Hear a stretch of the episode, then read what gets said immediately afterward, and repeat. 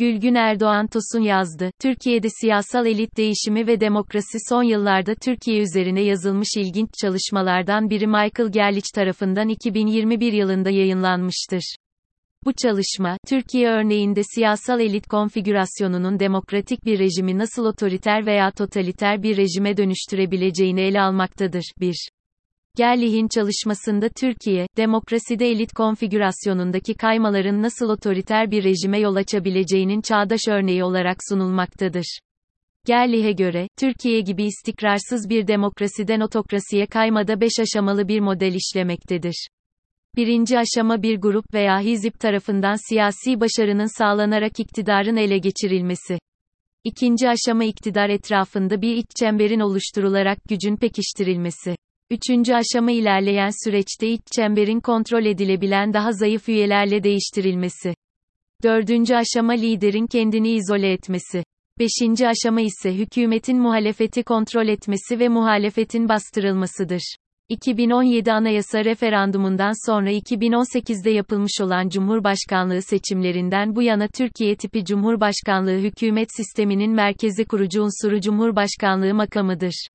İktidarın eski Türkiye olarak isimlendirdiği dönemde kurucu merkezi oluşturan askeri ve sivil elitler bertaraf edilerek yeni Türkiye'nin merkezine milli görüş kaynaklı, İslamcı tonları ağır basan, çevreden merkeze sirayet etmiş olan parçalı elitler konuşlandırılmıştı.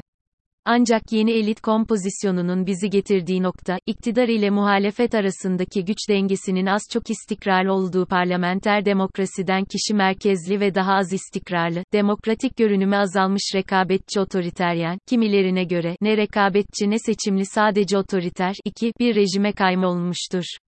Bir başka ifadeyle elitlerin kompozisyonundaki değişim bizi demokratik geri kayma olarak ifade edebileceğimiz bu sürece taşımıştır. Siyasal elitler, iktidarın elinde tuttuğu kaynaklara orantısız erişim gücüne sahip olmaları nedeniyle, siyasi sonuçları önemli ölçüde etkileme gücüne sahiptirler. Yöneten yönetilen ayrımında yöneten grubu oluşturan az sayıdaki elit organize ve koordine özelliğe sahiptir. Bürokratik, askeri, dini ve siyasi örgütlerdeki hiyerarşik model nedeniyle örgütlerin tepesinde karar alma önceliğine sahip bir grup elitin ortaya çıkışı çoğu zaman kaçınılmaz olur. Elitlerin konumlarından kaynaklanan gücün sahibi olarak toplumdaki diğer bireylere göre siyasi sermaye, ekonomik sermaye, bilgi sermayesi, kültürel sermaye veya sosyal sermayeye erişim öncelikleri mevcuttur. Söz konusu öncelik elitleri bu sermaye kaynaklarının dağılımında belirleyici kılar. AKP iktidarı ile birlikte Türkiye'nin elit kompozisyonunda da bir değişimin yaşandığı açıktır.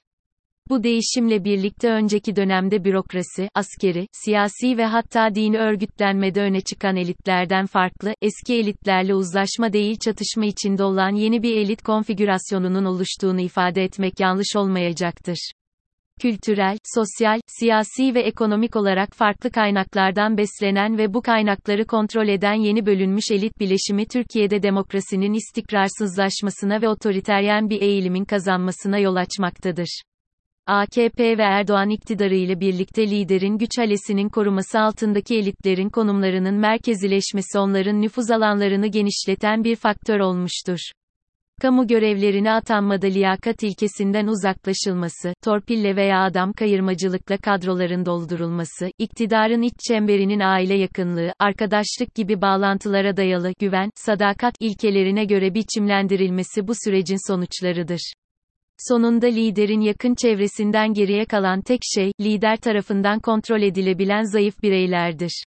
Bu noktada, diğer seçkinlerin alanı daraltıldığı için liderin gücünü etkileyebilecek veya yumuşatabilecek kimse kalmamıştır. 3.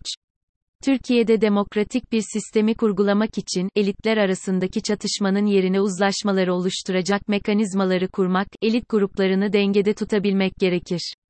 Popülist bir söylemle yönetilen kitleler sivil toplumun zayıflatılması, siyasal iktidarın denetim mekanizmalarından bağışık hale getirilmesi, yurttaşların düşünce ve ifade özgürlüklerinin kısıtlanması, kurumsallaşmış ekonomi yönetiminden uzaklaşılması ve işlevsel bir devlet bürokrasinin ters yüz edilmesiyle genelde ilgilenmezler.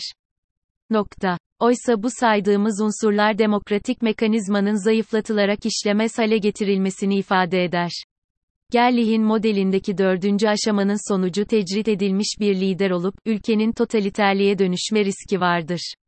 Lider tecrit edildiğinden, kendi konumuna yönelik bir meydan okumadan veya bir darbeden korkabilir.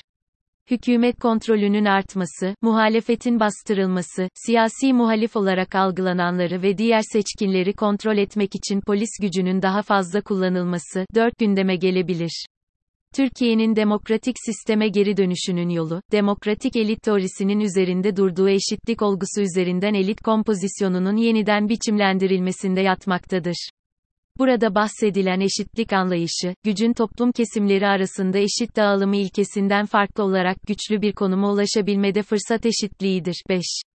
Türkiye açısından demokrasiyi totaliter tehlikelere karşı korumak ve daha demokratik bir sistemi kurgulamak için, elitler arasındaki çatışmanın yerine uzlaşmaları oluşturacak mekanizmaları kurmak, elit gruplarını dengede tutabilmek gerekir. 1. Michael Gerlich, How Elite Configurations Explain Shift from Democracy to Authoritarian or Totalitarian Regimes, Turkey Asa Case Study, Open Journal of Political Science, Vol. 11, 2021, pp 223 ila 302, Taha Parla, Rekabetçi Otoriterlik Safsatası, T24 İnternet Gazetesi, 8 Haziran 2022, erişim adresi, https t24.com.tr yazarlar slash taha parla slash rekabetçi otoriterlik safsatası virgül 35534 erişim tarihi, 30 Haziran 2022, 3 Louis 2002'den aktaran Gerlich, A, G, M, S, 279.